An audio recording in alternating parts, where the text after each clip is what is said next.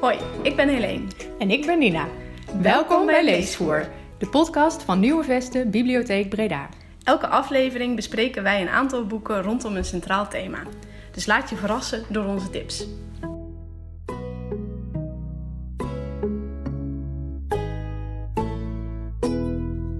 Welkom bij alweer de achtste aflevering van deze podcast. Uh, deze maand is het Nederland leest met het thema over de grens. En is het boekgeschenk De Wandelaar door Adriaan van Dis te krijgen in de bibliotheken. Zolang de voorraad strekt natuurlijk. Uh, vandaag hebben we twee bijzondere gasten en tevens twee goede vrienden van mij. Uh, Zoe Agassi uit Breda en Olivier van Herk uit België. Welkom. Hallo, dankjewel. uh, jullie hebben een boek getiteld Op eigen kracht. dat is in oktober uitgekomen. En dat gaat over jullie wereldreis die jullie, zoals de titel al doet vermoeden, volledig op eigen kracht hebben gedaan. Zo'n reis komt niet zomaar uit de rug vallen. Hoe, hoe is dat idee gekomen? Ja, maar het echte idee... Ik denk dat we altijd wel ooit een wereldreis wilden doen. En bij Zoe is dat nog veel meer vanuit de jeugd ingegeven dan bij mij. Mijn ouders zijn nooit heel avontuurlijk geweest. Dus we gingen altijd naar Frankrijk, naar een camping of vakantie. Maar ik had wel die drang om naar het buitenland te gaan. En het is eigenlijk begonnen toen ik werkte in Rotterdam. En ik had één collega, die, was, uh, die heette Ben, dat was 63. En die vertelde altijd over zijn pensioen, wat hij wilde gaan doen. Over twee jaar dan ga ik daar reizen en dan ga ik dit doen. Maar Ben die kreeg kanker en die overleed een jaar later, op zijn 64ste, een jaar voor zijn pensioen. En voor mij was dat moment, heb ik gerealiseerd van, ga ik ook wachten tot mijn 65ste of misschien zelfs 70ste, tegen de tijd dat wij op pensioen kunnen, om dan mijn dromen waar te maken. En dan kan ik het misschien ook niet meer. Dan ben ik misschien fysiek niet in staat, of misschien iemand van je familie, of er zijn zoveel redenen. Uh, toen ben ik naar huis gesprint en uh, tegen Zoe gezegd van ja, wij gaan uh, nu op wereldreis. Of wij gaan op wereldreis, ik wil nu gaan. En dat nu was dan, over vier jaar gaan wij vertrekken. En zo is die datum in onze agenda gekomen en is dat heel concreet geworden van we gaan dat nu doen en niet wachten tot na ons pensioen. Oké, en daar hebben jullie dus vier jaar wel nog voor voorbereid? Niet voorbereid. We hebben helemaal niet zelfs. Het is zelfs uh, echt uh, in de soort van de, de doofpot gekomen. Want mm -hmm. ik was op dat moment aan het uh, rugbyen voor Nederland. En mijn focus lag gewoon op, op, op de rugby, op, op de sport. En ik vond Olivier's ideeën heel leuk, maar ik wilde er eigenlijk in mijn hoofd helemaal niet mee bezig zijn. Dus we hebben, dat, we hebben er eigenlijk helemaal niks mee gedaan. Het stond dus wel op de agenda. En pas toen ik besloot om te stoppen met rugby, en dat is eigenlijk, nou ja, hoeveel, hoe lang was dat ervoor? Een half jaar. Ja, maximaal een half jaar ervoor hebben we gezegd, nou oké, okay, ik stop. En uh, zijn we een beetje gaan kijken hoe gaan we dat doen. Maar pas een, twee maanden daarvoor hebben we besloten, we nemen de fiets. Okay. En hebben we twee fietsjes gekocht uh, op Marktplaats. En die fietsjes waren dan ook ouder dan, uh, dan dat ik zelf ben. Ja. dus, en die ja. hebben het hele reis ook volgehouden? Ja, die, die zijn er nog steeds. we hebben daar inmiddels 28.000 kilometer op, op gemaakt. En, en wel meer hoor, maar dat in de reis. En die doen het nog steeds hartstikke goed. Ja. Nou, super mooi dat je dan inderdaad op zo'n manier aan fietsen kan komen. Ja. Je hoort wel eens dat mensen inderdaad hele dure equipment kopen om uh, zo'n reis te maken. Ja, en dat is ook echt wel het idee van wat we heel graag willen laten zien. We waren totaal onervaren, we hadden nog nooit zo'n reis gedaan. We wisten helemaal niet hoe dat moest. Uh, maar we hebben twee fietsjes gekocht en ook tegen beter weten van de, van de uh, fietsenmaker in. Want die heeft echt gezegd, jullie gaan Spanje er niet eens meer halen. Maar eigenlijk is het bijna een zegen dat hij dat heeft gezegd. Want daardoor hadden wij zoiets van, nou ja, we zien wel, Spanje is al ver genoeg. Um, als hij eerder kapot gaat, nou dan dumpen we ze en dan gaan we met de rugzak verder. Want zo vrij en open was de reis. Mm -hmm. En dat heeft ons echt eigenlijk uh, heel erg ja, open gelaten en... Uh, doen inzien wat die fietsen allemaal kunnen. Want we hadden zelfs een wedstrijd uh, over lekke banden. En ik zei dat we... We vertrokken in Amsterdam en ik zei dat we... Hoe laat? Jij... Voor Breda al een lekke band zouden hebben. Nou, mijn lekke band is pas in Portugal gekomen. dus um, ja, die, de, en dus dat willen we ook heel graag laten zien. Oud materiaal, uh, dat, dat, daar gaat het helemaal niet om spullen heb je. En uh, daar kun je al heel, uh, heel veel mee. Dat maakt niet uit hoe nieuw dat is. Ja, het is natuurlijk ook dan wel de instelling die je hebt. Als Dat je klopt. daar mentaal niet op voorbereid bent, dan kan ik me voorstellen dat je dan... Nou ja, zelfs dat. Maar het, hel- het helpt om die instelling te hebben. Maar eh, sowieso, dat is echt wel een tip die we ook willen meegeven. Ik ben open voor alles wat kan gebeuren. Maar eh, eh, Ja, voor ons was ook die instelling, omdat die fietsenmaker zei, je haalt Spanje niet. Dan vertrek je ook met het idee, oké, iedere kilometer die we halen is gewonnen. Ja, En dat is dan heel mooi. Als jij een fiets koopt van 3000 euro, nou ja, dan verwacht je dat die minimaal een jaar zonder problemen door kan gaan. Dus inderdaad, het is er wel veel te maken hoe je er tegenaan kijkt. Maar ja, dus je moet er rustiger mee omgaan. Je moet iets, iets voorzichtiger rijden. Maar uiteindelijk geloof ik ook wel echt in oude spullen. Het is gewoon zo dat spullen zijn eh, er niet om eh, direct weer weg te gooien eh, of kort te gebruiken. Je, als je dingen her, her- maakt en er goed mee omgaat, dan kun je er jaren en jaren eh, mee door. Dat is ook wel echt onze visie en instelling. En hadden jullie al wel eh, in eerste instantie een bepaald land in gedachten waar jullie heen wilden? Of was dat ook echt helemaal... Ehm, nee, we hadden eigenlijk alleen windrichting. Want we vertrokken in september, eind september. En naar het noorden zou het winter worden. Naar het oosten zou het eigenlijk ook winter worden. Dus het enige wat mogelijk was, was zuidelijk. En Ja. dat, was, dat was onze windrichting. Oké. En toen gewoon ja, blijven Ja, gaan. ja maar, gewoon. Ik heb eh, gezien inderdaad wat het uiteindelijk geworden is. Maar... ja, we hadden ergens in ons hoofd wel we willen naar Zuid-Amerika. Mhm. Dat sprak ons wel aan, maar of we daar ooit zouden raken, wisten we ook niet. Dus we zijn gewoon Zuid vertrokken en we, hebben, we zijn eerst naar Compostela gefietst. Die route kwam op ons pad, dat was een, een doel dat we ons stelden. En dan naar Portugal, dan naar Spanje en eh, ja, toen op zoek naar een zeilboot om de Ja. oceaan over te steken. Ja, ook zelf gedaan. Konden jullie al zeilen? dan? Nee, ook niet. Nee, ook nooit gezeild. Ook, dat is ook helemaal nieuw. Oh, Ehm, we hebben geen zeilboot gekocht en we hebben zelf ook geen zeilboot. Dus eh, dan moet je gaan liften. En dat is wat we gedaan hebben. Oh, oké. Dus we Ja. zijn letterlijk naar de haven geweest en we hebben daar onze duim uitgestoken. Hm. En eh, nou, dat werkt natuurlijk iets anders dan langs de snelweg.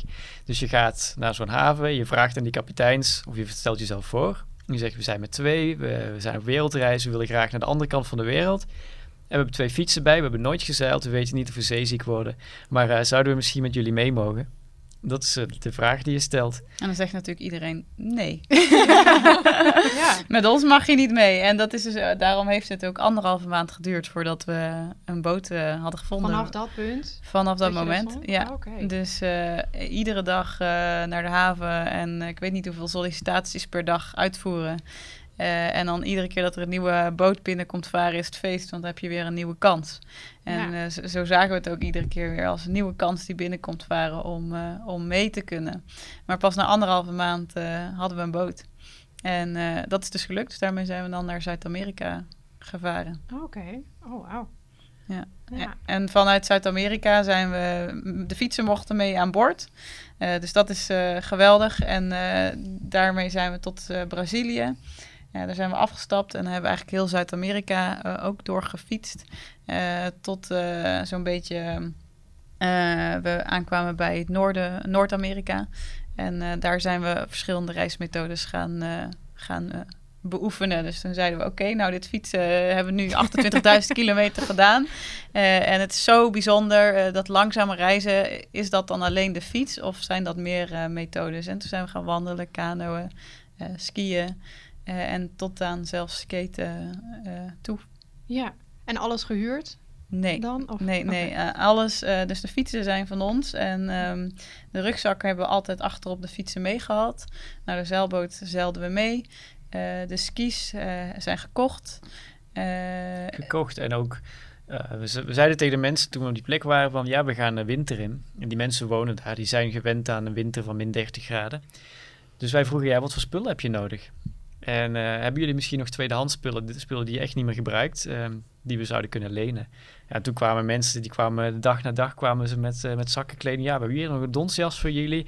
En hier eh, slaapmatjes en speciale sokken en handschoenen. En we kregen allemaal spullen die we konden gebruiken om, om op wintertocht te gaan. en dat zijn dus ook allemaal weer tweedehands spullen. die het tien jaar geleden al goed deden, maar die ons nu ook nog warm hebben gehouden in min 30 graden temperaturen. Eh, de enige waar we wel echt in eh, eh, hebben geïnvesteerd, maar ehm, dat is dan ook wel wat gebeurd doordat we zoveel op reis waren, kregen we ook interesse van outdoor eh, brands, merken.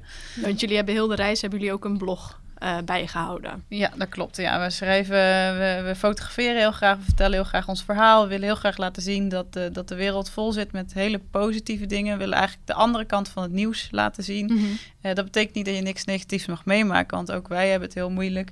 Maar dat je wel daar ook weer positieve dingen uit kan halen. En de geweldige mensen die we ontmoeten. Nou ja, en dat schrijven we allemaal op. En, uh, en daarmee hebben we toch wel enkele leuke samenwerking gehad met bedrijven. Dus, en daarmee is ook de kano uiteindelijk op, een, op een manier te leen gesteld door, door een bedrijf. Ja. Oh, Oké, okay. oh mooi. Ja. En merkt je, want het is heel gastvrij ook, dat je ontvangen wordt. Is dat overal zo geweest? Ja, dat heeft ons verbaasd. Eigenlijk dat je... We dachten altijd, gastvrijheid, dat is iets wat alleen bestaat in landen heel ver weg. Dat, nee, Nederland sowieso niet. Dat was hoe wij vertrokken. Um, maar we hebben eigenlijk gemerkt dat in eender welk land, of nu rijk of arm is, mensen zijn gastvrij. En mensen zijn geïnteresseerd en mensen zijn goed vanuit hun hart en willen helpen. En natuurlijk zijn er verschillen in hoe die gastvrijheid geuit wordt. In Zuid-Amerika draait alles rond familie en vrienden. En als je daar binnenkomt, is alle aandacht op jou gevestigd. En dat kan best een paar dagen zijn, want de hele familie wil jou zien. En de dag daarna moet jij die familie bezoeken. En moet je weer daar gaan eten en daar. Maar ook in, in Noord-Amerika zijn mensen ontzettend gastvrij. En, in Nederland ook. Alleen is het in Nederland dan iets afgebakender. Van mensen willen graag weten wanneer je komt en wanneer je terug weggaat. Daar is het iets meer volgens afspraak. Maar het moment dat je daar bent, zijn mensen even geïnteresseerd in je verhaal. En ze, zijn, ze willen gewoon graag helpen en ze willen jou, jouw eten aanbieden. En dus die gastvrijheid is niet gebonden aan, aan locaties. Alleen ja, de manier waarop het zich uit is wel, is wel verschillend. Ja, ja. Hm. Wel mooi. Mooie conclusie. Ja. ja. Ja, en zijn jullie dan ook in situaties beland waarvan je achteraf dacht, of in die situatie al dacht van, oh shit, dit had echt onze dood kunnen betekenen?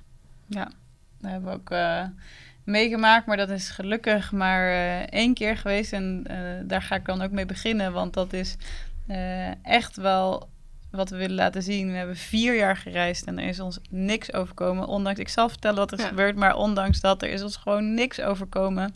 En we hebben dan één keer gehad aan de grens uh, tussen Mexico en uh, Amerika. Daar zitten natuurlijk de drugskartels en die, uh, hebben daar, die zijn daar de baas. En wij waren al, al die tijd al op de, op de fiets op weg. En daar... Um, hadden wij zo'n goed vertrouwen gekregen van de mensen. En ook uh, geleerd dat ook al zeggen mensen van ja, daar is het gevaarlijk, dat dat allemaal meevalt. Hè? Mensen zijn heel erg gewend van oké, okay, ja, hi, hier is het veilig, maar daar is het echt gevaarlijk. Ja. Dat is gewoon, dat hebben we echt overal gezien, dat, dat zeggen ze overal. Dus um, daar konden we op een gegeven moment niet echt meer op vertrouwen. En toen zijn we wel gaan vertrouwen op dat mensen zeiden oké, okay, hier is het uh, ge gevaarlijk. Dan ging er bij ons ja. belletjes uh, rinkelen. Um, maar toen dat uiteindelijk daadwerkelijk gebeurde, dat we dus in, in, bij de grens uh, naderden en dat mensen zeiden van hier is het echt gevaarlijk, uh, hier moet je niet zijn, niet op de fiets, hadden we zoiets van, ah, het zal wel meevallen. Ja. En uh, toen zijn we te naïef geweest en we toch door gaan fietsen. En daarmee zijn we uiteindelijk halt gehouden door, door een drugskartel. en heel duidelijk, met de duidelijke signalen dat we nu zouden moeten stoppen. En we moesten laten zien wie we waren, vertellen wie we waren. En ja, dat, dat, dat, dat maakt je heel erg klein. En gelukkig, en daar ook weer, daarom heet het hoofdstuk in ons boek ook uh, um, verwelkomd door de narcos. Ik ga het niet helemaal verklappen, nee. maar het is uh, ook daar goed gekomen. Ja, ja wel spannend. Ja, en dat zijn wel momenten dat je echt realiseert van jeetje, het kan ook anders gaan. Maar aan de andere kant uh, is dat hier in Nederland ook. Hè? Uh, we hebben recent weer een bericht ontvangen dat een, een oude vriend, een school, uh, een voetbalvriend van hem, is over, overleden in het verkeer. En um, ja, dat, dat kan dus gewoon voor de deur op straat gebeuren. Ja. En daarom zeggen wij ook, het is niet gevaarlijker hier of daar dan hier. Want hier leven we met stress en, en, en snel hierheen, snel daarheen. En uh, dat is misschien wel uh, onze dood soms. Hoewel, ja, daar kun je inderdaad, kunnen er ook dingen gebeuren. Maar ik bedoel, hier in Amsterdam kun je ook lelijk overvallen worden. Dus, ja, precies. Um, dat, uh... We willen in ieder geval echt wel laten zien dat het... Dat, dat je niet moet weerhouden om op reis te gaan of naar onbekende plekken te gaan. Want wij hebben vier jaar gereisd en het enige wat ons echt is bijgebleven is die ongelooflijke gastvrijheid. En hoe reageerden vrienden en familie erop dat jullie eh, weggingen op reis? Ja. Ja, mijn ouders, we vertelden tegen mijn ouders, we vertrekken voor onbepaalde tijd op reis. We weten nu niet exact waar we naartoe gaan, we weten niet hoe lang we gaan. En we weten ook niet of we terugkomen. Dat was, ja, dus je kan al raden hoe mijn ouders op reageerden. Zeker mijn ouders die niet zo avontuurlijk zijn, ja, die, vonden dat, die vonden dat begin heel eng. Maar ze hebben heel snel gezien tijdens de reis hoeveel mensen ons onderweg hielpen, hoe gelukkig wij waren. Dat we echt onze droom aan het volgen waren. En dat mensen ook ons ondersteunden, zowel met, eh, met woorden als met gewoon motiveren online, offline, eh, onderweg. En dat gaf hun zoveel vertrouwen. En ze zijn ons komen opzoeken na ongeveer drie maanden, toen wij in Gran Canaria op die boot aan het zoeken waren. Toen zijn ze gekomen en we verbleven, mochten daar verblijven bij een familie. En die familie heeft ook mijn ouders uitgenodigd om samen eh, kerst te vieren en nieuwjaar. Hm. En dat was voor mijn ouders zo'n openbaring van wauw, die mensen, zij kenden die helemaal niet, maar die nodigen ons ook uit. Ze zijn in goede handen. Ja. En sindsdien is er voor hun een soort klik geweest in hun hoofd. Dat ze dat helemaal geaccepteerd hebben, die reis. En dat ze ons er eigenlijk zich geen zorgen mee gemaakt hebben. Tot dat moment dat we gingen skiën, dat vonden ze wel weer heel eng. Maar voor het grootste deel hebben ze dat nooit meer echt heel eng gevonden. Ja, sterker nog, eh, zijn ouders, eh, allebei, zijn, ehm, eh, zijn moeder is nu Compostela in er eentje gaan wandelen voor twee maanden. dus naar Santiago de Compostela. Nou, daar heb ik ongelooflijk respect voor, want ik mag dan zelf misschien vier jaar de wereld rond gereisd hebben. In mijn eentje een wandeltocht van twee maanden beginnen is wel echt eh, dikke respect eh, op je zestigste. Nou, zijn vader is samen met hem en de broers op fietstocht gegaan. Zijn broer gaat nu eh, ook op, weer, eh, op, een, op een wereldreis. Dus ehm, het is eh, helemaal eh, opgepakt en, eh, en mee gaan eh, leven. En nu doen ze het allemaal zelf. Dus eh, Oh, ja. ja. Oh, superleuk. Ja. Ja. Nou, sowieso wel eh, de mensen om jullie heen dan geïnspireerd. Ja, dat, dat, is, dat is wat we hopen te doen. En eh, wat we in ieder geval, de reacties die we terugkrijgen, zijn echt ongelooflijk vandaag. Eh, vandaag hebben we ook weer iets heel bijzonders meegemaakt. Dat we, eh, een- ons boek is dus nu pas een week uit. En we, geven, we brengen die persoonlijk langs bij de mensen in Breda. Ehm, dus we, we kwamen vandaag binnen bij mensen en we, we stonden nog niet binnen of die zeiden: Jullie hebben ons leven op zijn kop gezet. Dus wij dachten, oei, wat dan? Eh, en die eh, hebben nu, eh, hun, hu- gaan hun huis verkopen om, om zelf op avontuur te gaan. 60 en 70 jaar oud, huis verkopen Oh, en gewoon vertrekken. Ja. Ja, als je dat hoort, dan, ja, dan, daar word je alleen maar heel erg warm en dankbaar voor, van. Dat is echt geweldig dat, dat we dat blijkbaar mogen teweeg brengen. ja. Echt nou, dat je die verhalen ook hoort inderdaad. Dat je ze echt eh, terugkrijgt. Ja, dat is Ja. heel bijzonder dat we, hoeveel reacties we krijgen persoonlijk via mail of via social media. Of pers- echt persoon Ja. zoals dit. Mensen die ons echt een berichtje sturen van ja, ik, ben, ik vind het boek zo mooi. Of ik vind, ik ben al, ik volg je al heel lang. En ik ben daardoor zijn wij zelf op fietsvakantie gegaan en hebben we allemaal dingen ontdekt. Dat is heel mooi als je dat, als je dat terugkrijgt. En ja, dat is ook wel een reden waarom wij ons verhaal blijven delen. Om mensen te kunnen inspireren. Want ja, dat geeft heel veel energie. Ja, die mensen geven ons echt rijkdom. Gewoon hoe, de, dat enthousiasme waarmee gevolgd wordt, maar ook die verandering die we dan mogen teweegbrengen, dat maakt ons ook weer rijker. Ehm, in, eh, eh, tijdens de reis is het ook gebeurd dat we in, eh, in Uruguay waren en bij een dame die heeft ons uitgenodigd bij haar thuis. Heel, heel arm waren ze. En zij had koeien. Eh, die hield zij. En eh, ze zag ons op de fiets en eh, ze was helemaal wild over hoe dunnetjes we waren en hoe fit en ik weet niet wat. En de volgende dag dat we vertrokken stond ze sowieso al echt met tranen in de ogen dat we vertrokken. Maar toen zei ze ook, ik ga één koe verkopen om een fiets te kopen en ik ga afvallen. Ja, als je dat, dat, dat is echt... Dat is echt geweldig. En ze heeft het ook gedaan. We, we hebben nog eh, heel veel contact met heel veel mensen van onze reis. En zij heeft ons ook echt eh, nou ja, eh, regelmatig foto's gestuurd van dat ze op de fiets zat om, eh, om af te vallen. Leuk. Ja. Dat is ook wel bijzonder hoe dan de reis eigenlijk voor, vanuit jullie eigen ding van wij willen een wereldreis gaan maken, verschoven is naar wij willen mensen ook inspireren. En... Nou, dat is wel grappig, want Eugé die eh, wist dan dat hij op reis wilde gaan. Op een gegeven moment heeft hij dat in de agenda gezet. En hij was op dat moment in een tra trainee-programma, eh, onderdeel van zijn werk.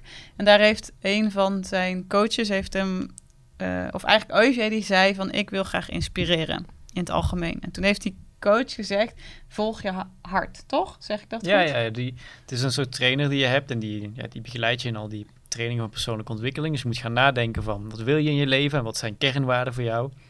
Nou, ik zei dus tegen haar van eh, ik wil inspireren, dat vind ik heel belangrijk. Dus dan verwachtte ik van de coach van die gaat vertellen wat ik graag doe. En het enige wat zij zei is volg je hart en volg je droom en je gaat vanzelf inspireren. Nou, ik vond het een heel vervelend antwoord, want ik ja, vertel dan wat mijn dromen zijn, want ik, ik weet het zelf niet. Dus eh, pas jaren later, tijdens onze reis, dat je dat de eerste keer zo'n berichtje krijgt van mensen. Wat jullie doen is, is zo gaaf en jullie inspireren mij. Dat je dan realiseert, hey, ik inspireer iemand. Het is, we zijn gewoon nog gaan doen wat we leuk vinden, onze droom volgen. Het is gelukt, zij had gelijk. Het heeft alleen een paar jaar geduurd voordat we het antwoord doorkregen. Ja, maar de, die, die visie, die droom om te mogen inspireren is er wel altijd geweest. Maar ja, hoe, hoe dan? Nou ja, Ja. En de conclusie is, doe wat je wil doen, ben wie je wil zijn. En op een of andere manier zien mensen dat jij zoveel plezier hebt met wat je zelf aan het doen bent. En dan straal je dat uit en dat, eh, dat inspireert. Dus dat is eh, zeker iets wat we echt wel willen vasthouden. En, en ook heel streng op onszelf zijn van soms als we ons weer een beetje te veel laten meeslepen door dingen, dat we zeggen: hé, hey, wacht even. Is dit wat we willen? Willen we dit doen? En dan hup, weer terugschakelen naar: Ja. nee, dit is niet wat we wilden, dus we moeten nu aanpakken en omdraaien of omdraaien, veranderen. Ja, want jullie hebben nu het laatste jaar hebben jullie aan het boek gewerkt. Hoe, hoe zijn jullie daaraan begonnen? Want je hebt nog nooit een boek gemaakt, denk ik. Nee, we hebben nog nooit op fiets gezeten, Nee. nog nooit geskiet en nog nooit een boek eh, geschreven. Maar dat is weer hetzelfde van het, het, het onbekende. Dat is ook de quote die we achterop hebben staan. Een avontuurlijk leven op weg naar het onbekende. Omdat het onbekende eh, is... Het lijkt heel spannend, maar eigenlijk kunnen we ongelooflijk veel. Veel meer dan dat we allemaal denken. Eh, en zeker zolang we er passie in eh, hebben. Nou, Nou, we, we wisten wel wat we met ons boek wilden. We wilden dus onze reisverhaal natuurlijk vertellen. We wilden echt een mooi stevig boek maken, een koffietafelboek. Ja, het- want het is een behoorlijk dik Het boek. is, een, het is echt een... eh, Dus, eh, ja, het voor de is- mensen die ja. hem eh, komen halen in de bibliotheek, neem een tas mee. ja. ja, ja, dus dat wilden we ook echt. En qua inhoud eh, wilden we dus mensen inspireren met ons verhaal.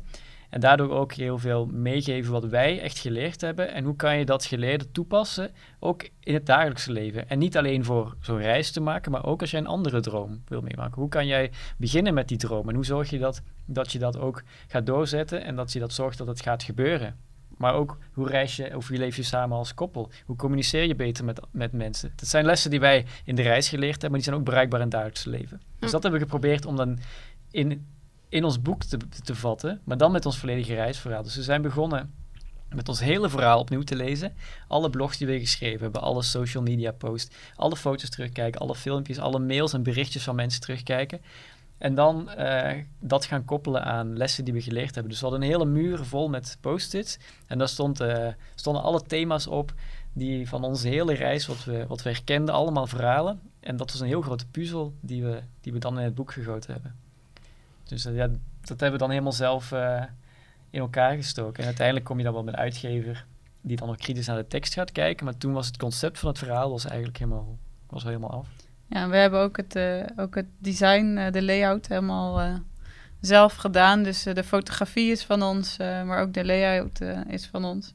Dus het maakt echt de kers op de taart ja, van ons Ja. verhaal. Ja, en leuk dat je dus dan inderdaad een boek hebt dat niet alleen maar een reisverslag is, maar veel meer dan dat. Ja, echt met tips en, en praktisch hoe kun je dingen aanpakken. Dus het is, eh, ja, ook voor mensen, dus het is voor het dagelijks leven, maar ook, ook wel echt voor mensen die ooit op avontuur willen eh, op deze manier, staan er heel veel eh, praktische dingen in, hoe wij dingen hebben aangepakt. Ja. Ja, en eh, als we met de uitgever in gesprek waren, die, de uitgever wil het liefst eigenlijk zoveel mogelijk mooie foto's. En die vindt de tekst vindt hij ook belangrijk, maar iets minder belangrijk dan wij. Voor ons was de, de tekst de leidraad, want ons reisverhaal is het belangrijkste. We willen nog steeds dat het gelezen kan worden als een roman, Mhm. Maar dat het aangevuld wordt door een aantal praktische elementen.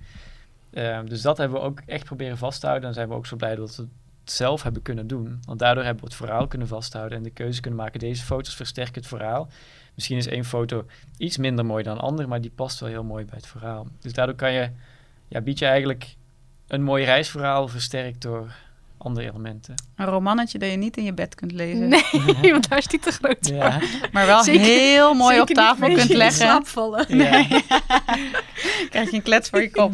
Maar hij is wel heel mooi voor op tafel en als inspiratie gewoon een heel mooi boek om neer te leggen of Ja, eh, de- in de kast is te zetten. Prachtige foto's staan erin. eh. Ja, dankjewel. En mooi vormgegeven, want daar zijn wij altijd eh, van. En Ja, absoluut. Ja, want dat vroeg ik me af inderdaad, of jullie dat zelf hadden gedaan. Want je hebt ook de- natuurlijk de tekst en de foto's al gedaan. Dus, eh, maar ja, dat Petje zijn- af. Ja, nee, absoluut. Ja. Dankjewel. Daar hebben we op gevloekt onderweg. Ja. In het proces dat we dat allemaal zelf wilden doen. Want je neemt natuurlijk heel veel werk op je. Ja.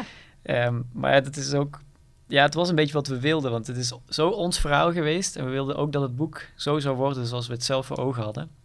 Ja, dan moet je toch een beetje bij jezelf houden. Dus we zijn heel blij dat de uitgever dat ook geaccepteerd heeft. Dat wij dat mochten doen. En dat Mhm. zij het, het uiteindelijke proces van het uitgeven doen. Ja, precies. Dus dat is een luxe positie, denk ik. Ja, dat die wel heel veel werk heeft gekost. Maar daardoor zijn we wel extra blij met het resultaat. En in coronatijd natuurlijk. Ja. Ja. Maar, Maar- daar Maar- hebben we eigenlijk geen last van gehad. We zaten lekker in Zweden Ja. aan We zaten te in een berghutje in Zweden. En eh, ja, in Zweden was, er waren geen coronaregels, waren geen mondkapjes. Restaurants, cafés, alles was open. Dus voor ons, toen we terugkwamen in april in Nederland, was de eerste keer dat wij een mondkapje moesten dragen. Dus voor ons bestond corona toen. Ja, maar we waren ook echt gewoon in het bos op Ja. onszelf. Dus eh, Ja. een heerlijke plek om te schrijven. perfect ook Ja, om ja. te zijn in Ja. die Ja. tijd. Ja. Ja, ik weet niet of jij nog vragen had. Eh, nee, ja, ik heb... eh, Hebben jullie nog zelf wat jullie iets, ja, een moment waar je zelf nog graag wilt delen? Of denk je, oh, dit moeten echt de luisteraars weten? Eh, nee, ja, het is, eh, kom het lekker in de biep halen of kijk eens bij ons op de website. eh, Ja, dat is. We Leave, W-E-L-E-A-F.nl. Eh, dat staat voor wij vertrekken, maar dan op een groene manier zonder voetafdruk. Dus We Leave. En daar staat ook jullie hele route op, hè, die jullie hebben afgelegd. En ook per vervoersmiddel, zeg maar, helemaal opgedeeld. eh, hoeveel Onder kilometer andere. Ja, en- ja, ja, ja, klopt. Ja, wat we met onze website doen. ehm, ooit begonnen we daarmee met het idee van, nou dat is leuk. Kunnen onze ouders kunnen ons een beetje volgen. Dat vinden zij leuk. Maar steeds meer mensen begonnen daar zich op in te schrijven. En we zijn dus ook ons verhaal daar gaan delen, maar ook praktisch heel veel. Dat we echt heel veel praktische tips van wat voor paklijst heb je nu nodig als jij wilt gaan fietsen. Of hoe doe je dat, kamperen in de sneeuw. En dus ja, daar zijn we tips over gaan delen. Dus een soort platform gecreëerd voor, eh, voor de reiziger. Voor mensen, om mensen te inspireren weer. ja, dus zeker ook wel eh, een kijkje nemen waard. Dankjewel. Ja, en, eh, en hoe nu verder? Wat, eh, wat zijn jullie toekomstplannen? Ja, we gaan eh, in. We blijven nog even hier in Nederland en België, omdat Eugé van België is. Tot eh, kerst, tot en met kerst. Eh, dat vinden ouders ook wel eens leuk, dat we nog eens thuis zijn na vijf jaar. Dus, eh, en dan eh, gaan we alweer eh, door. We pakken de fiets richting Noorwegen en Zweden. En ons volgende project gaan we noemen We Leave Zoek de Droomplek. En het idee is ook echt dat we ehm, eh, dat we een droomplek gaan vinden waar we kunnen werken en waar we een woonhuis zoeken. Maar wel zo dat avontuur een net zo belangrijke rol in ons leven blijft. Dus dat is wederom ook echt een project, een zoektocht. We weten totaal niet waar we op uit gaan komen. Maar dat vinden we, dat doen we bewust zo. Eh, maar heel belangrijk is dat eh, dus avontuur eh, heel hoog op de weegschaal eh, staat. En wij geloven dat dat eh, mogelijk is en dat hopen we te kunnen gaan laten zien. eh, maar vooral eerst aan onszelf. ja. Ja, ja. Ja. En dan de- dus echt een vaste plek. Ja, Ja. het wordt inderdaad een vaste plek. Ja. Ja. Dat, dat zeggen veel mensen nu ook tegen ons en wij tegen onszelf ook. Hoe gaan we dat doen?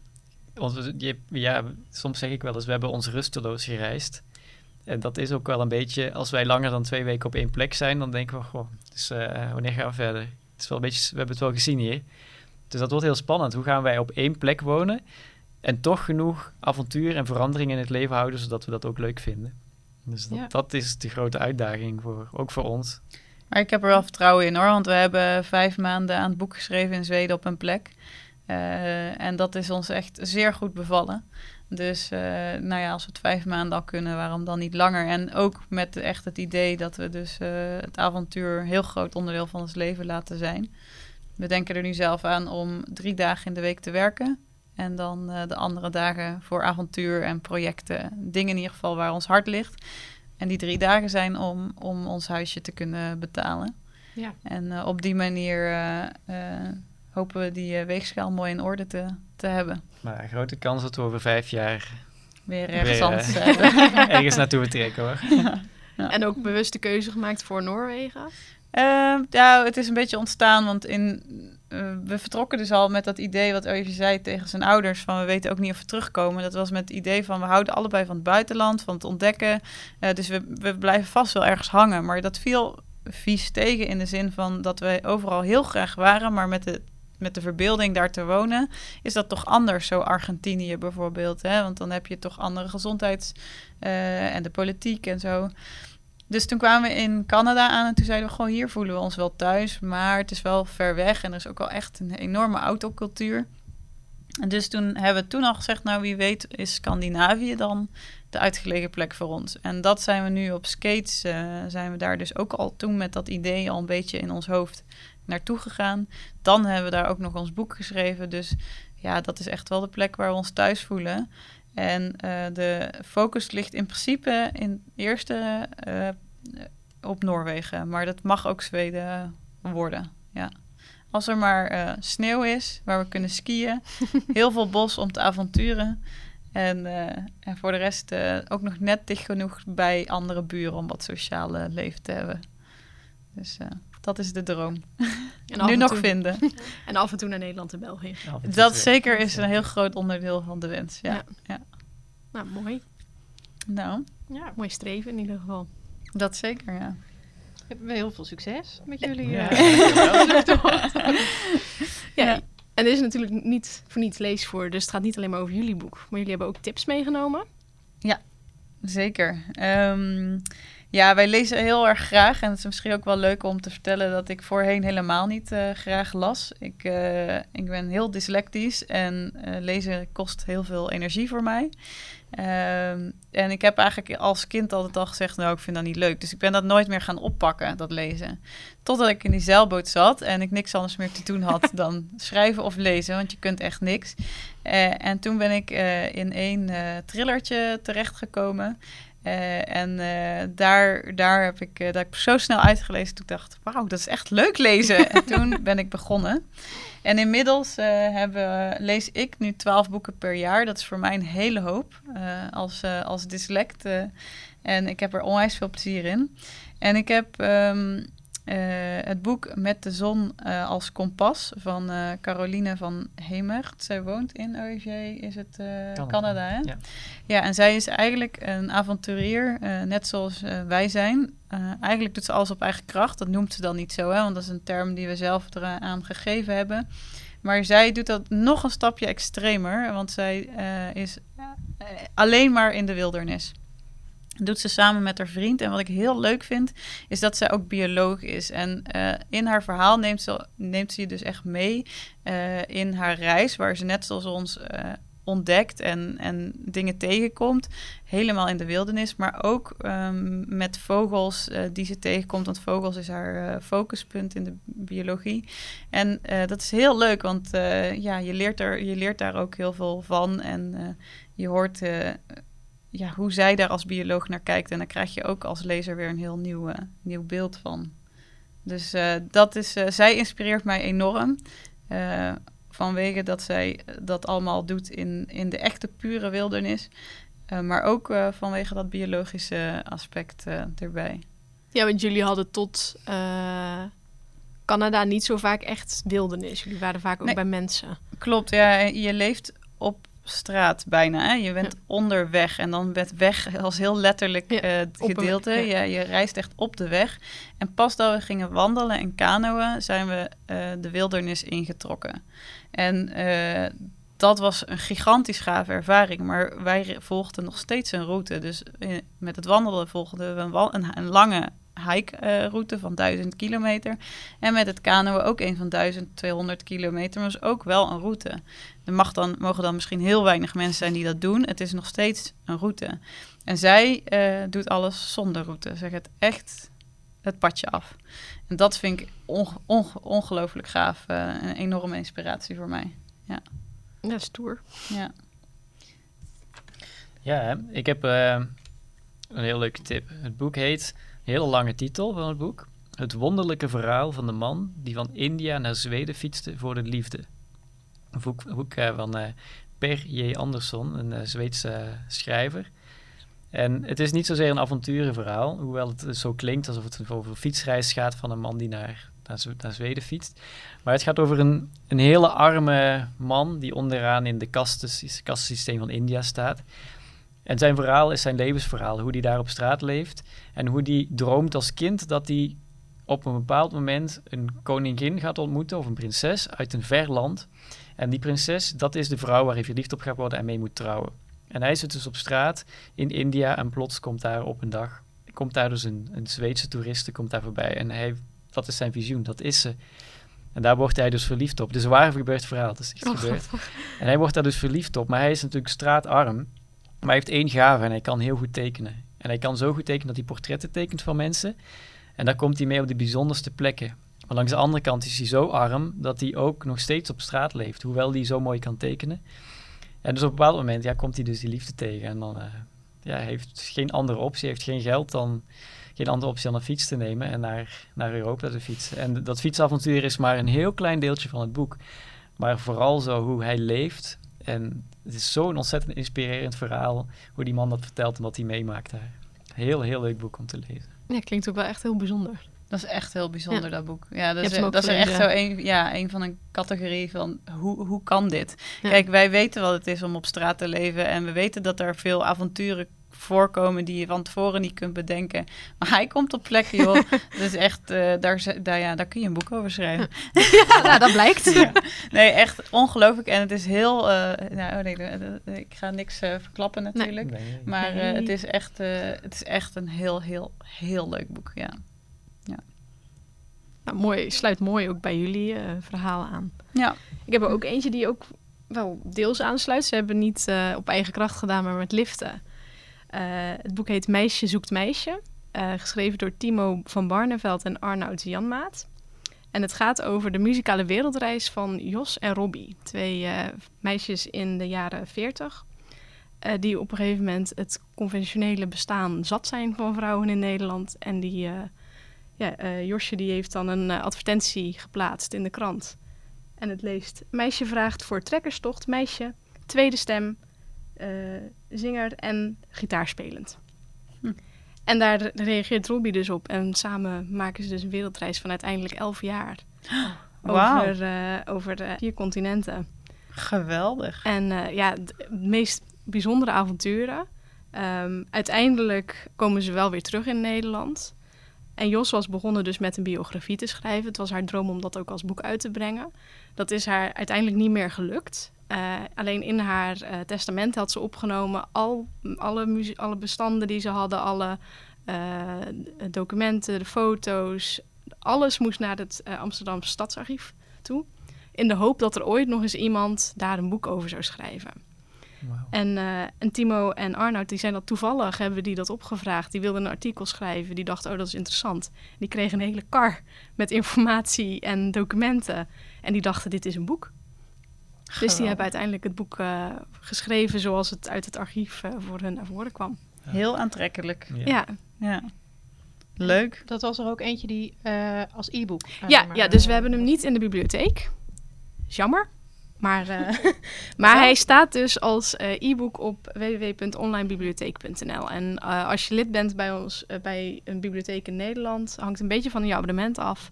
Eh, maar dan kan je vaak ook e-books gewoon gratis eh, lezen. Dus daar kan je hem vinden. Ik ga hem lezen, denk ik. Ik ook, klinkt heel Ja, leuk. Ja. klinkt heel leuk, ja. Ja, en er komt ook een beetje eh, vrouwenliefde in voor. Oh. Gehint.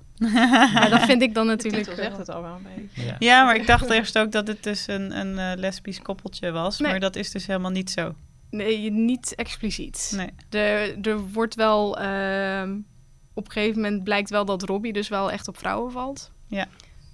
Maar ja, de- met, met Jos, dat komt niet helemaal duidelijk naar voren of die dat hadden, of Oh, die ja. zo'n relatie hadden. Maar ze waren wel heel hecht. Wauw. Ja, heel bijzonder.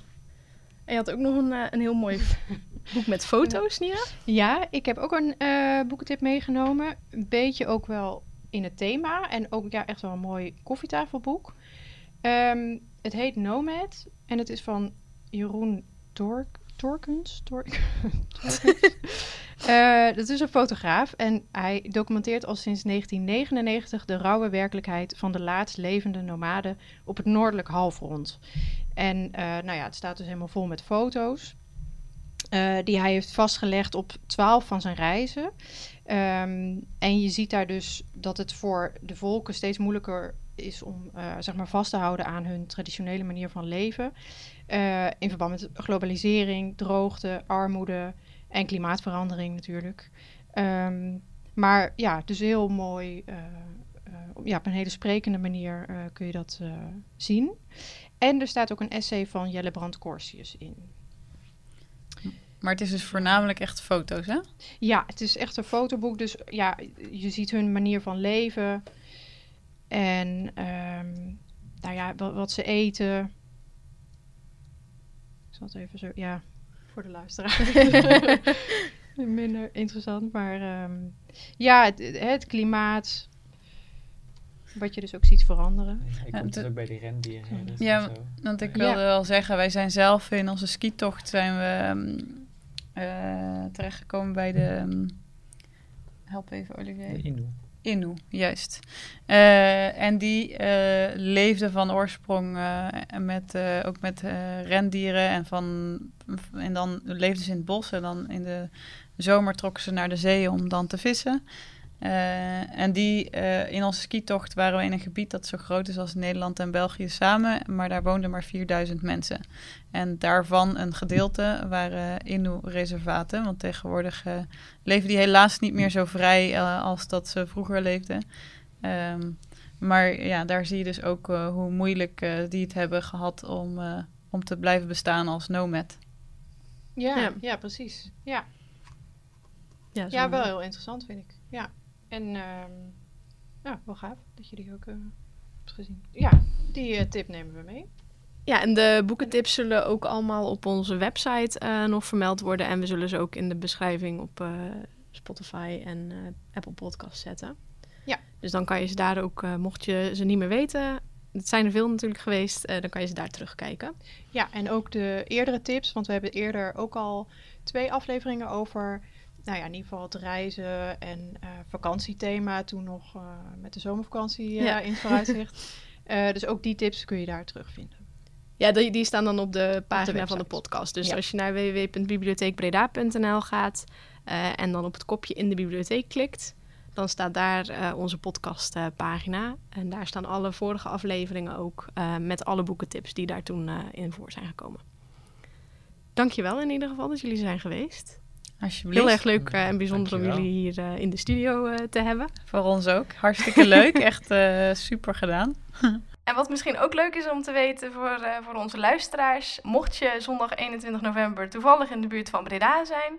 Zoe en Olivier komen dan eh, ook spreken en geven een presentatie ook over hun boek. Eh, dus mocht je het leuk vinden om ze te ontmoeten, dan eh, ben je van harte welkom. Het is aan de Molenstraat, dus in het centrum eh, van Breda in de bibliotheek. En achteraf eh, wordt ook het boek verkocht door Zoe en Olivier en is er ook een signeersessie. Dus jullie zijn van harte welkom eh, om dan aan te sluiten. Ja, en eh, dan gaan we kijken wat de volgende keer het thema wordt, denk ik. Ja, ja dat weten we nog Ja. niet. hè? Ja. Dus nou ja, en we houden jullie in de gaten. ja. dankjewel, dankjewel. Ja. bedankt eh, voor het luisteren. Yes, En hartstikke tot bedankt. de volgende keer.